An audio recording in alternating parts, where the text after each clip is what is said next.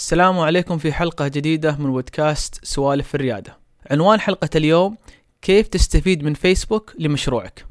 أكثر من مليار مستخدم مسجل بفيسبوك. والمعلومات اللي تستطيع الوصول لها كثيرة ومنها قائمة الأصدقاء، الهوايات، الدراسة وغيرها الكثير. لذلك لا يمكن لأي مشروع أن يفوت هذه الفرصة. لذلك في حلقة اليوم سوف أعطي مثالين لشركتين من قطاعين مختلفين. وكيف استفادتا من فيسبوك ولكن تذكر أهم شيء نصيحة الحلقة الأولى التي كانت بعنوان أنت فقط مستأجر. إذا مشروعك يعتمد على خدمات مثل فيسبوك وتويتر وخصوصا إذا كان هذا الاعتماد لحل الشيء الجوهري الذي تقوم عليه خدمتك انتبه لأن في النهاية أنت مجرد مستأجر لهذه الخدمات. والشركتين اللي بذكرهم إن شاء الله استفادتا من فيسبوك ولكن عملها الأساسي المشكلة التي تحاول تحلها لا يعتمد على فيسبوك. بمعنى أنها ما كانت ولن تكون تحت رحمة فيسبوك وإنما تستفيد من الإمكانيات المتوفرة في فيسبوك. لنبدأ بالمثال الأول شركة اير بي ان بي اير بي ان بي منصة تسهل عرض واستئجار شقة أو فيلا وهكذا. الآن كيف استفادت من فيسبوك؟ أولا تستطيع التسجيل باستخدام فيسبوك وهو ما يسمى Facebook Connect. بعد ما تسجل بفيسبوك نتائج البحث تحسن بناء على علاقتك مع كتاب التعليقات وأصحاب الشقق. بالإضافة تستطيع فلترة البحث لإظهار فقط الشقق التي سكن فيها منهم في دائرة الأصدقاء لديك لذلك النصيحة التي ممكن نستفيد منها من شركة Airbnb استخدام التسجيل بفيسبوك أو حتى تويتر سرع تجربة الخدمة. ولأن عملية البحث هي من أكثر الأنشطة التي سوف تقوم بها في خدمة Airbnb كان من الذكاء إدخال دائرة أصدقائك فيها؟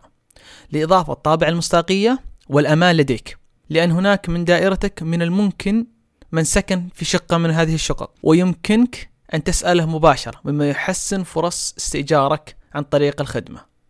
المثال الثاني Pinterest Pinterest خدمة لإضافة صور وتسمى pins وتوضع في مجلدات تسمى boards كيف استفادت من فيسبوك؟ هناك عنصرين مهمين لخدمة Pinterest المتابعة أي متابعة شخص أو board وإضافة الصور والتي تسمى بالخدمة pins لذلك عند السماح للخدمة بتحديث ال timeline الخاص بك على الفيسبوك. يحدث ما يسمى مشاركة اجتماعية. الخدمة حددت النشاطات الاجتماعية التي تريد أن تحدثها في ال timeline الخاص بك على فيسبوك. مثلا عندما تضيف صورة آه، متابعة الإعجاب أو التعليق على صورة. نتج عن هذا زيادة في الزيارات من فيسبوك بمقدار 60% النصيحة التي ممكن نأخذها من ما قامت به Pinterest حدد النشاطات الاجتماعية المهمة لخدمتك. واطلب من مسجلين خدمتك السماح له السماح لك بتحديث ال timeline الخاص بهم عندما يقومون بإجراء هذه الأنشطة الاجتماعية مثلا آه، المتابعة الإعجاب التعليق وتحديث ال timeline الخاص فيهم على فيسبوك. بعد ذلك سوف تحصل على زيارات ومستخدمين جدد مجانا. وللمزيد من الأمثلة سوف تجد في مقالة المدون لهذه الحلقة رابط يذكر بالتفصيل هذه الأمثلة وغيرها الكثير. في النهاية حدد العناصر المهمة لخدمتك. وكيف لك عن طريق فيسبوك أن تزيد من فاعليتها؟ مثلا التسجيل السريع الإعجاب تعليقات فيسبوك الاستفادة من معرفة أصدقائك لخلق تجربة أكثر شخصية لك. آه، نشر الأنشطة الاجتماعية على ال timeline الخاص بك على فيسبوك.